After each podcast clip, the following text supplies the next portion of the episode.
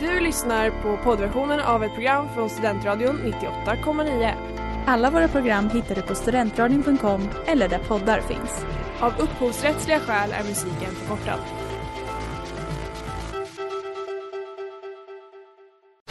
Reklam, reklam. Hej där! Tar du ett sabbatsår? Är du klar med din utbildning i höst? Ta då lite tid för att resa utomlands. Upptäck dig själv med ISEC och arbeta med ett sex veckors volontärprojekt kopplat till hållbarhetsmålen i Afrika. Läs mer på rebrand.ly uppsala 2019.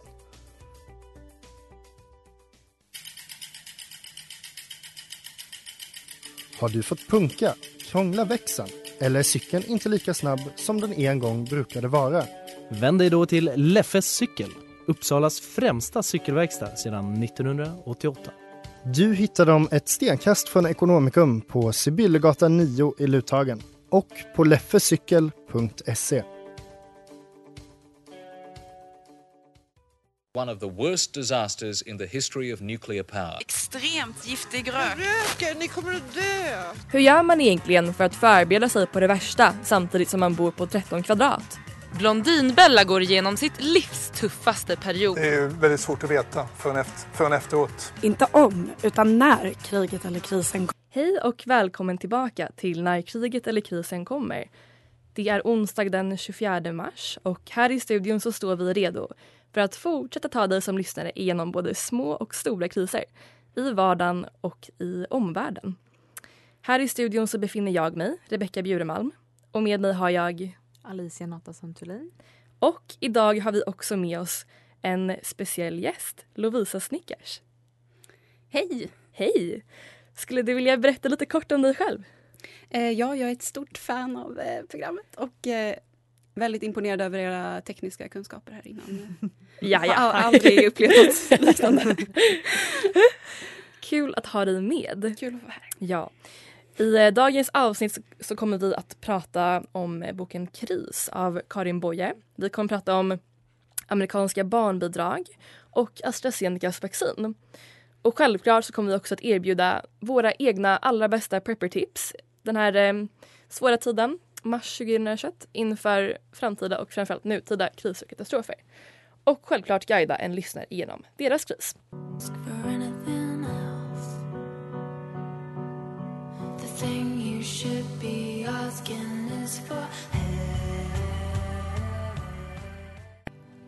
Det där var The Last Man on Earth med Wolf Alice. Lovisa, du har ju läst en bok vet jag om. Eh, så jag ser fram emot att få en bokrecension. Kan man hoppas på det? Det kan man absolut. Så gott det går när man har läst eh, nästan hela boken. Eh, men eh, jag har då läst en bok som heter Kris av Karin Boye. Som jag, jag fick typ upp den på Instagram och tänkte att den skulle passa bra att prata om i det här programmet för att den heter Kris. Helt perfekt. Mm. Eh, och den här boken är från eh, länge sedan. Ganska länge sedan, 1934. Eh, men det jag lite blev chockad av när jag läste den var hur liksom, lätt det var att typ känna igen sig i boken. Fast den är så... Alltså det är länge sedan den var skriven. Eh, och grejen med boken är att den är så himla bra helt enkelt. Eh, den handlar om en Malin som ska vara Karin Boyes alter, alter ego. Det är liksom... Det är typ Karin Boye fast lite hemligt. Um, Malin har generellt fett mycket livsångest och mår inte toppen. Uh, hon är alltså i någon sorts livskris. Hon pluggar till typ lärarinna men känner inte att det är superkul och inser att, allt mer att hon blir intresserad av psykologi, alltså världens mest spännande ämne. Ehm, och jag känner att jag relaterar starkt till Malin här. Ehm, att börja plugga något som man bara, nej det här kanske inte riktigt var något för mig och så inser man att psykologi är livets mening. Jag tror dock att ehm, Malin faktiskt blir kvar på lärarutbildningen i det här fallet. Jag eh, är inte helt säker som sagt eftersom att det är bara sitter kvar. Boken eh, innehåller för övrigt också en väldigt fin beskrivning av olycklig kärlek. Eller det, det, är lite oklart om den är olycklig men Malin vågar tyvärr inte visa sina känslor för sin kursare Siv. Så vi får tyvärr aldrig riktigt veta om den är besvarad. Och eh, ja, men de två slutsatser jag dragit från min läsning av den här boken är alltså att eh, hoppa av utbildningen om du pluggar något tråkigt och att berätta för din crush om du är kär, för annars får man livskris. Ja, det låter ju som väldigt eviga teman. Ja. Ja, verkligen. Alltså, det är väl säkert därför man bara, det här kunde varit skrivet Mm. igår. Och hon bodde väl till och med själv i kvarteren ganska nära här, typ vid Övre Slottsgatan. Ja, jag, Mm, gjorde hon? Det visste inte jag. Jag har sett någon skylt där. Mm. Mm. det är coolt. Ja, Vi har också sett hennes eh, avbild idag. absolut. Bibblan. Larger than life Verkligen. är den. Den var fin. Ja. Men eh, får man fråga vad du hoppas att slutet kommer eh, innehålla? Jag hoppas ändå att slutet innehåller någon sorts vändning angående den här eh, kärlekskrisen. Mm. Ehm, för den, det känns som att det är den som plågar henne mest. Liksom. Mm. Hon skulle... skulle- kunna stå ut med att vara lärarinna om hon fick SIV. Exakt, det är lite Men inte tvärtom kanske. Ja, ja men eh, precis. Jag känner något sånt. Något, de får, välja något av dem. Hoppa av lärarutbildningen eller alltså bli ihop med Siv. Mm. Men eh, ja, ta, välj, välj någon av dem. Ah, okej. För annars blir det bara jättelång kris tänker jag. Som hon får leva med. Mm. Ja. Jag blev sugen på att läsa den. ja, jag Ja. med. Den är ganska bra. Det handlar en del om så här, religion. Hon är, eller Karin Boye var typ väldigt kristen tror jag. Ja. Och så hon relaterar liksom saker lite till så här, Gud och eh, religiösa teman. Vilket ju är intressant. Spännande att vara liksom så religiös och sen bli så intresserad av psykologi. Ja, verkligen. Mm. För hon liksom finner psykologin genom religionen på något sätt. Okej. Hon liksom, det står så här på baksidan. Hon är ung och hängivet gudstroende och hamnar i en depression som hon tolkar religiöst. Ah. Så hon liksom Mm. kopplar lite psykologin och religionen där. Men jag tänker att eh, för många kanske dagens religion är psykologin. Ja, jag tänker att det här eh, kanske vi kan tipsa MSB om att eh, den ska skickas ut tillsammans med den här broschyren Ja. med lite mer praktiska, Mm. tråkigare preppertips. Och så behövs det ju någon slags andlig kompanjon till det här. Precis, jag tänker att man Den kan ska inte ut till ha- folket. Ja men exakt, det får inte bli för praktiskt. Man måste Nej. ha lite, liksom, något för hjärtat. Folksjälen liksom. Mm. Mm.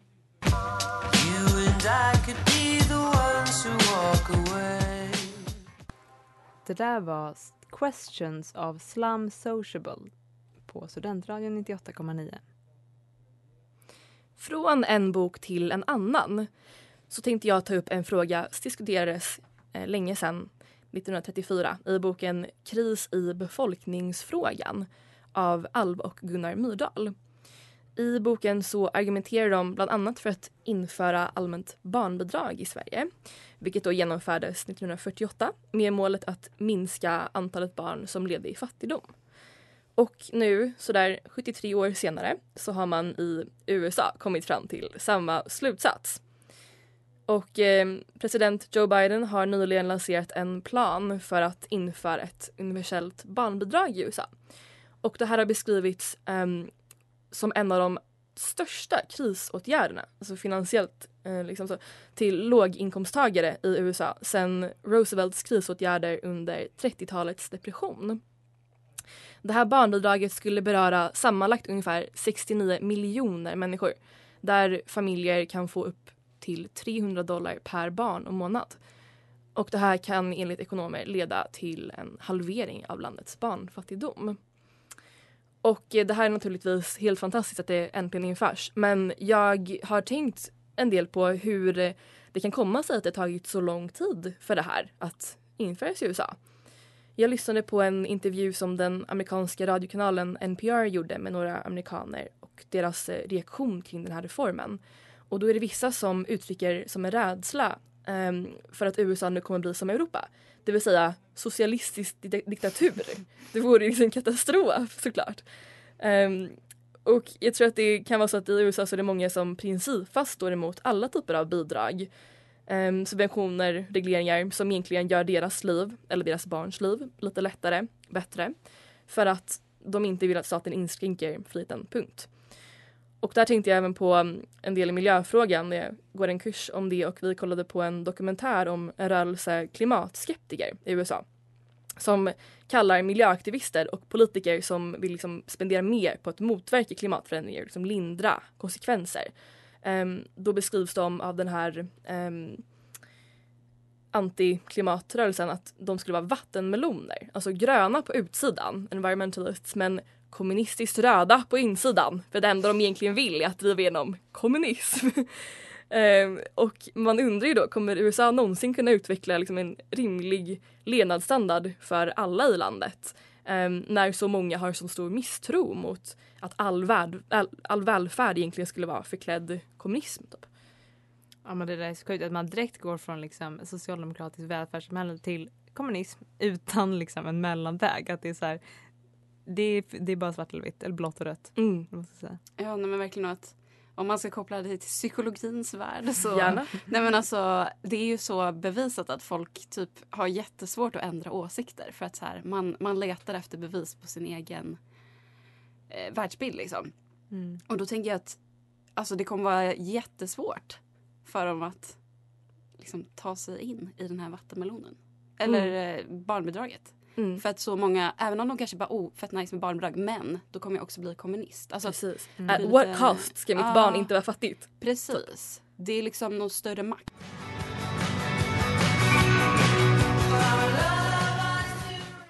Och det där var Love Letters to the Underground med Tomma intet på Studentradion 98,9. Jag tänkte prata lite om en aktuell fråga som eh, jag tror vi alla har hört om. Och det är det här med vaccin. Eh, för vi lever ju i en pandemi tyvärr. Och förra tisdagen så sattes AstraZenecas vaccin på paus i Sverige för att allvarliga biverkningar hade upptäckts. Och även länder som Finland, Norge, Frankrike och Tyskland pausade vaccinet under en period på grund av de här biverkningarna. De är allvarliga. Det har lett till blödningar och eh, till och med död i vissa fall, men de är också väldigt ovanliga. Men under torsdagen så gick dock EMA, vilket är EUs läkemedelsmyndighet, ut och meddelade att vaccinet är säkert och effektivt enligt deras forskning. Och det här har lett till att vilka, eh, flera länder i Europa återupptog eh, vaccinerandet. Och eh, i och med den här krisen har argument framförts för att det var en bra eh, försiktighetsåtgärd att pausa vaccinet för att eh, göra mer undersökningar och undvika en potentiell, potentiell kris i stil med det som skedde efter svininfluensa vaccinet för några år sedan. Medan andra menar att det var obefogat eftersom det inte finns belägg för ett orsakssamband mellan vaccinet och de påstådda biverkningarna. Alltså det kan bero på någon annan bakomliggande sjukdom eller eh, ja, man vet inte om det är orsak, att vaccinet är orsaken.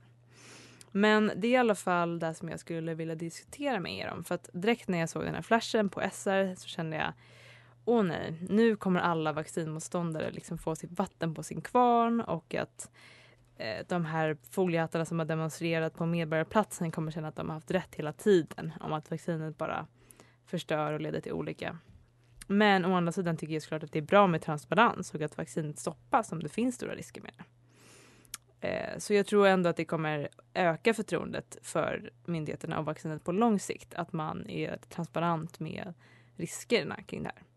Och sen är det också viktigt som har pratat om att även om det finns en liten, liten kvot av allvarliga biverkningar så är det ändå värt det. Eh, risken för att det är så många som dör i corona och det påverkar samhället så mycket.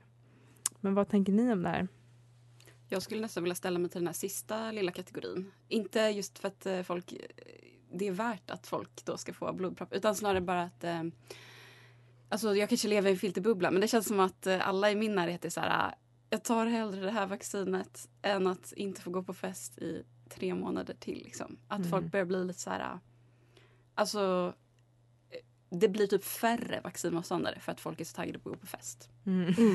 Men det kanske bara är jag. Just det, för jag såg också att det kom upp eh, en poll idag på SR om att eh, det faktiskt är typ 91 procent i Sverige som är för vaccin. Mm.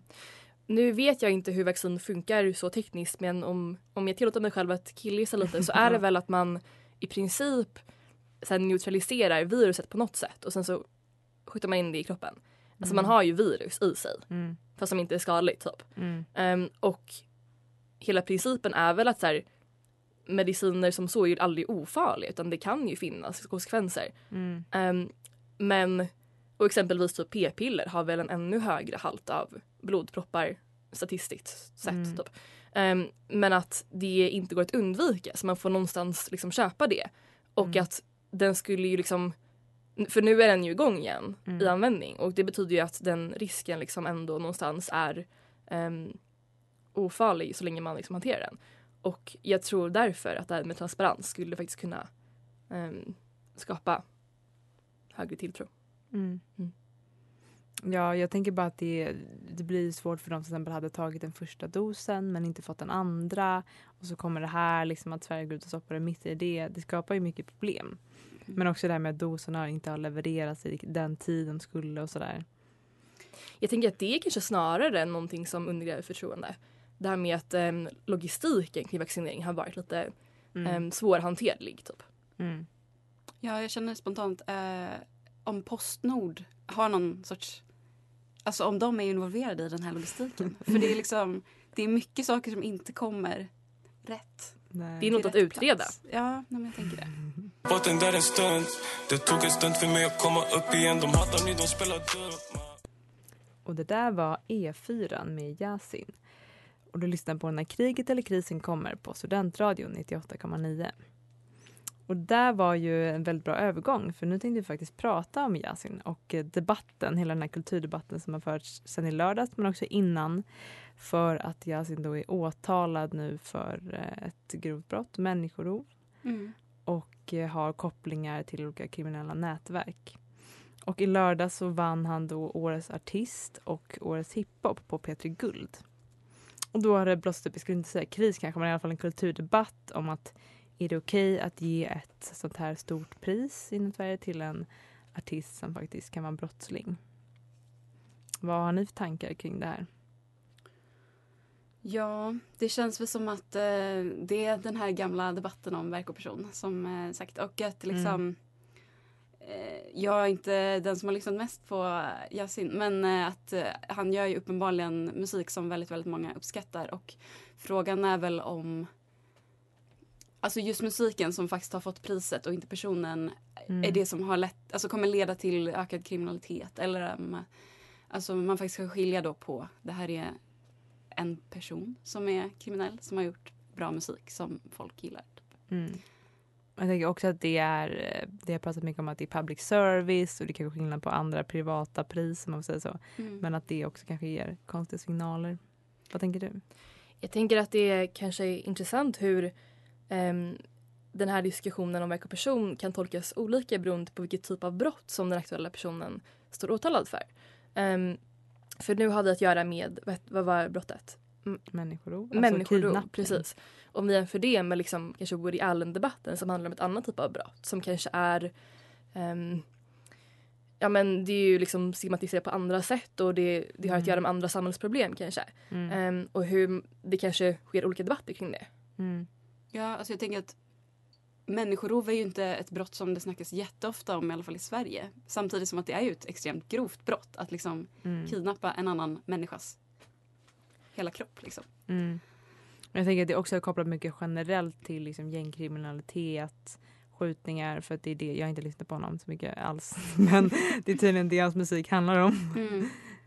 Men så det är också det liksom. Att det finns ju eh, liksom ett narrativ om att det här kommer leda fler unga män in i kriminalitet för att de blir liksom inspirerade av det här.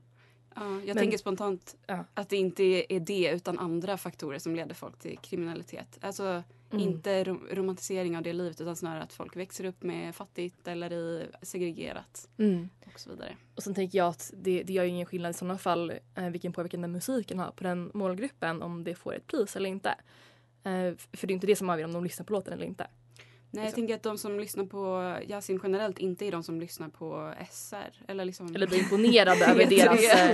eh, jag vet inte, eller det kanske de gör. Men, Ja, för att jag, jag, vet inte, jag tycker typ tvärtom här. Alltså, att Mm. jag tycker att så här, det är klart att man, jag håller med dig, jag tror inte heller att det är en låt som för in människor i kriminalitet. Men däremot vill man skicka en signal att man ger ett pris som är finansierat av skattepengar till någon som faktiskt är kriminell. Och nu är jag inte dömd än. Men då tar man ju också på att eh, juryn nominerar ju och sen är det ju folket som röstar. Är det så? Ja, Mm. så Okej. då, Så då då är är det, det ju folket fine. är Alltså då är det ju bara som det har blivit. Ja. Men det hade varit en annan grej tycker jag om det är en jurybestämd, alltså tänk om det hade varit liksom en metoo-dömd artist till exempel. Mm. Då känner inte jag kanske att jag vill att ett liksom, public service-pris ska gå till. Nej, det kan jag ändå hålla med om.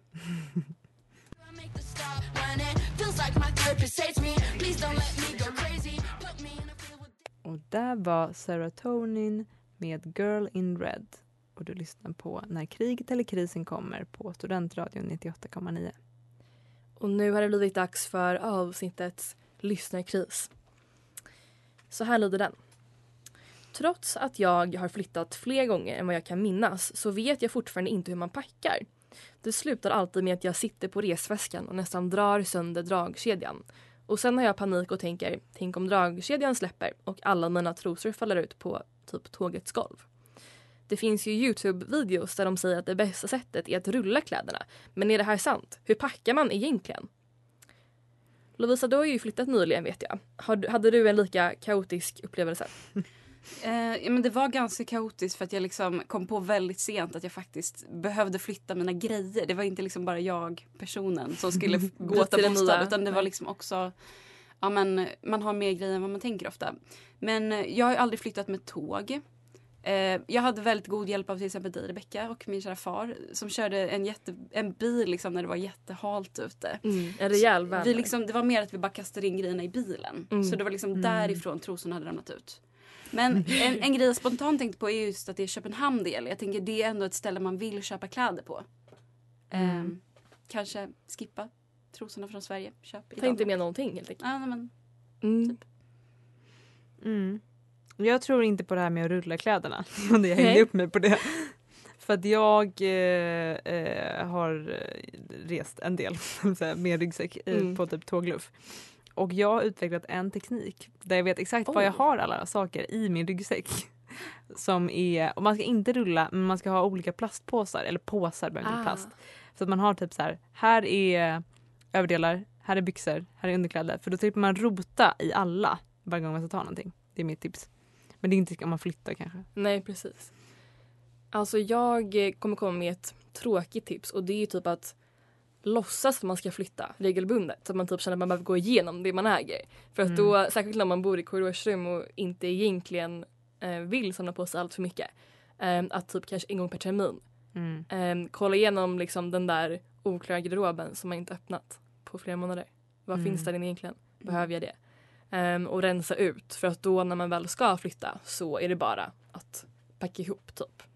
Mm. Men det är också orimligt hur mycket som får plats i ett typ rum på 14 kvadrat. Det är alltså, för verkligen jag har flyttat eh, i höstas när jag skulle på utbyte så la jag ner grejer i källaren. Men det tog typ eh, två dagar Mm. att städa ett rum. Alltså jag förstod inte och då tog jag inte ens ner mina böcker typ för att det fick den som hyrde andra hand ha kvar. Alltså. Ja, jag har flyttat en gång eh, den långa sträckan av tre meter kanske. Alltså från ett rum i ett korridor till en annan. Och det tänkte jag att ja, men det tar väl kanske en halvtimme. Eller nej. Men Mm. eh, det kommer gå smidigt och fort. Mm. Tog mig typ en dag. Just på grund av att jag hade så mycket grejer typ under sängen, i lådor, i liksom skåp.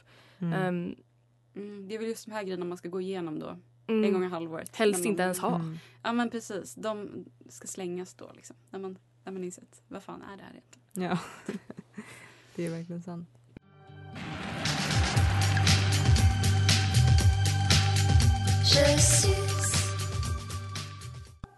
Och det där var Le Sign de Mon Prochain med La Femme på Studentradion 98,9. Det har blivit dags att dela med oss av prepper-tips. Vad eh, har ni att säga till lyssnarna den här veckan? Mitt preppertips är eh, att man eh, liksom försvaret bygger upp sitt eget psykologiska försvar. Jag tänker att ja, men det är bra om man skaffar sig ett, ett litet eget psykologiskt försvar. Som så här, några saker man vet att man tycker om att göra om man är lite nere. För jag tänker när en kris eller ett krig kommer då kanske man, ja, man blir lite nere. Det här hade varit bra att tänka på innan corona. Liksom. Mm. Vad finns det för grejer jag tycker om att göra som inte involverar stocken eller alkohol? Eh, och att ja, men då kan man bara luta sig tillbaka mot det. Mm. Ja, för försvaret har väl inrättat en eh, liksom, psykologisk beredskapscentrum nu Ja. typ i år. Jag har hört om Mm. det. Det Mm. låter spännande. Man ska försöka tillämpa det i sitt inre liv. Precis, jag tänker det. Mm. Ja. Mm, den här veckan har vi inte så materiella tips utan lite mera svävande tips. Så jag har skrivit då var beredd på det värsta. Det låter ju lite dystert kände jag när jag sa det högt. Men att jag har tänkt på det här med låga förväntningar. Mm. Att det är ganska bra att ha, alltså man ska vara hoppfull såklart. Det är ju trevligt. Men att ha låga förväntningar i typ prestationssammanhang för då blir man alltid glatt överraskad när någonting går bra. Ja. Varje lite framgång liksom. Mm. Tänk vad kul, mjölken var inte gammal idag. Mm. Ja, jag hade ju en, eh, en vräkningsscare några veckor sedan. Just Och sen dess har jag känt typ varje dag, jag är inte vräkt idag. Mått så himla bra över det. Så, så skönt. Verkligen. Ehm, nu tänkte jag säga att vissa kriser helt enkelt är oundvikliga. Så min, det här kanske gäller mer vardagen och så, men mitt preppertips är då att man ska kanske träffa en vän. Eller två, eller tre, max. Max tre. Man får vara fyra nu. Eller? Mm. Ehm, och bara ventilera tillsammans över allt som har gått fel. Över någon god dryck, kanske något gott att äta. Och Mm. bara acceptera läget. Ja. Ja, det här tror jag Det är mycket ungefär där vi är Mm, i krisberedskapen just nu. Mm. Just sit back och skåla. And enjoy the crisis. ja men lite så.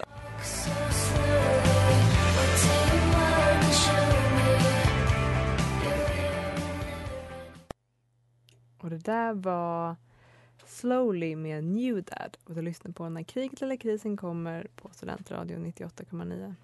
Ja, ikväll här i studion har ni hört mig, Rebecka Bjureman. Alicia Nathansson Thulin. Och Lovisa Snickers. Vi har eh, pratat om eh, en del litteratur, Karin Boye. Vi har eh, gått igenom barnbidragets historia och varför det har varit så himla svårt att införa i USA. Vi har eh, utrett vad AstraZeneca-situationen innebär just nu och eh, har eh, gått in en del på det här med ver- verk och person. Mm. Vi hoppas att eh, ni eh, lyssnar igen nästa onsdag 19.00 och glöm inte bort att fortsätta skicka in era kriser till oss på Instagram där vi heter kriget eller krisen. One of the worst disasters in the history of nuclear power. Extremt giftig rök. Röken, ni kommer att dö! Hur gör man egentligen för att förbereda sig på det värsta samtidigt som man bor på 13 kvadrat? Blondinbella går igenom sitt livs tuffaste period. Det är väldigt svårt att veta förrän, efter, förrän efteråt. Inte om, utan när kriget eller krisen kommer. Och eftersom det är hel timme är det dags för Studentnyheterna här på Studentradion 98,9. Ergo kan läggas ner och bandyfinal utan publik. Det här är veckans nyheter.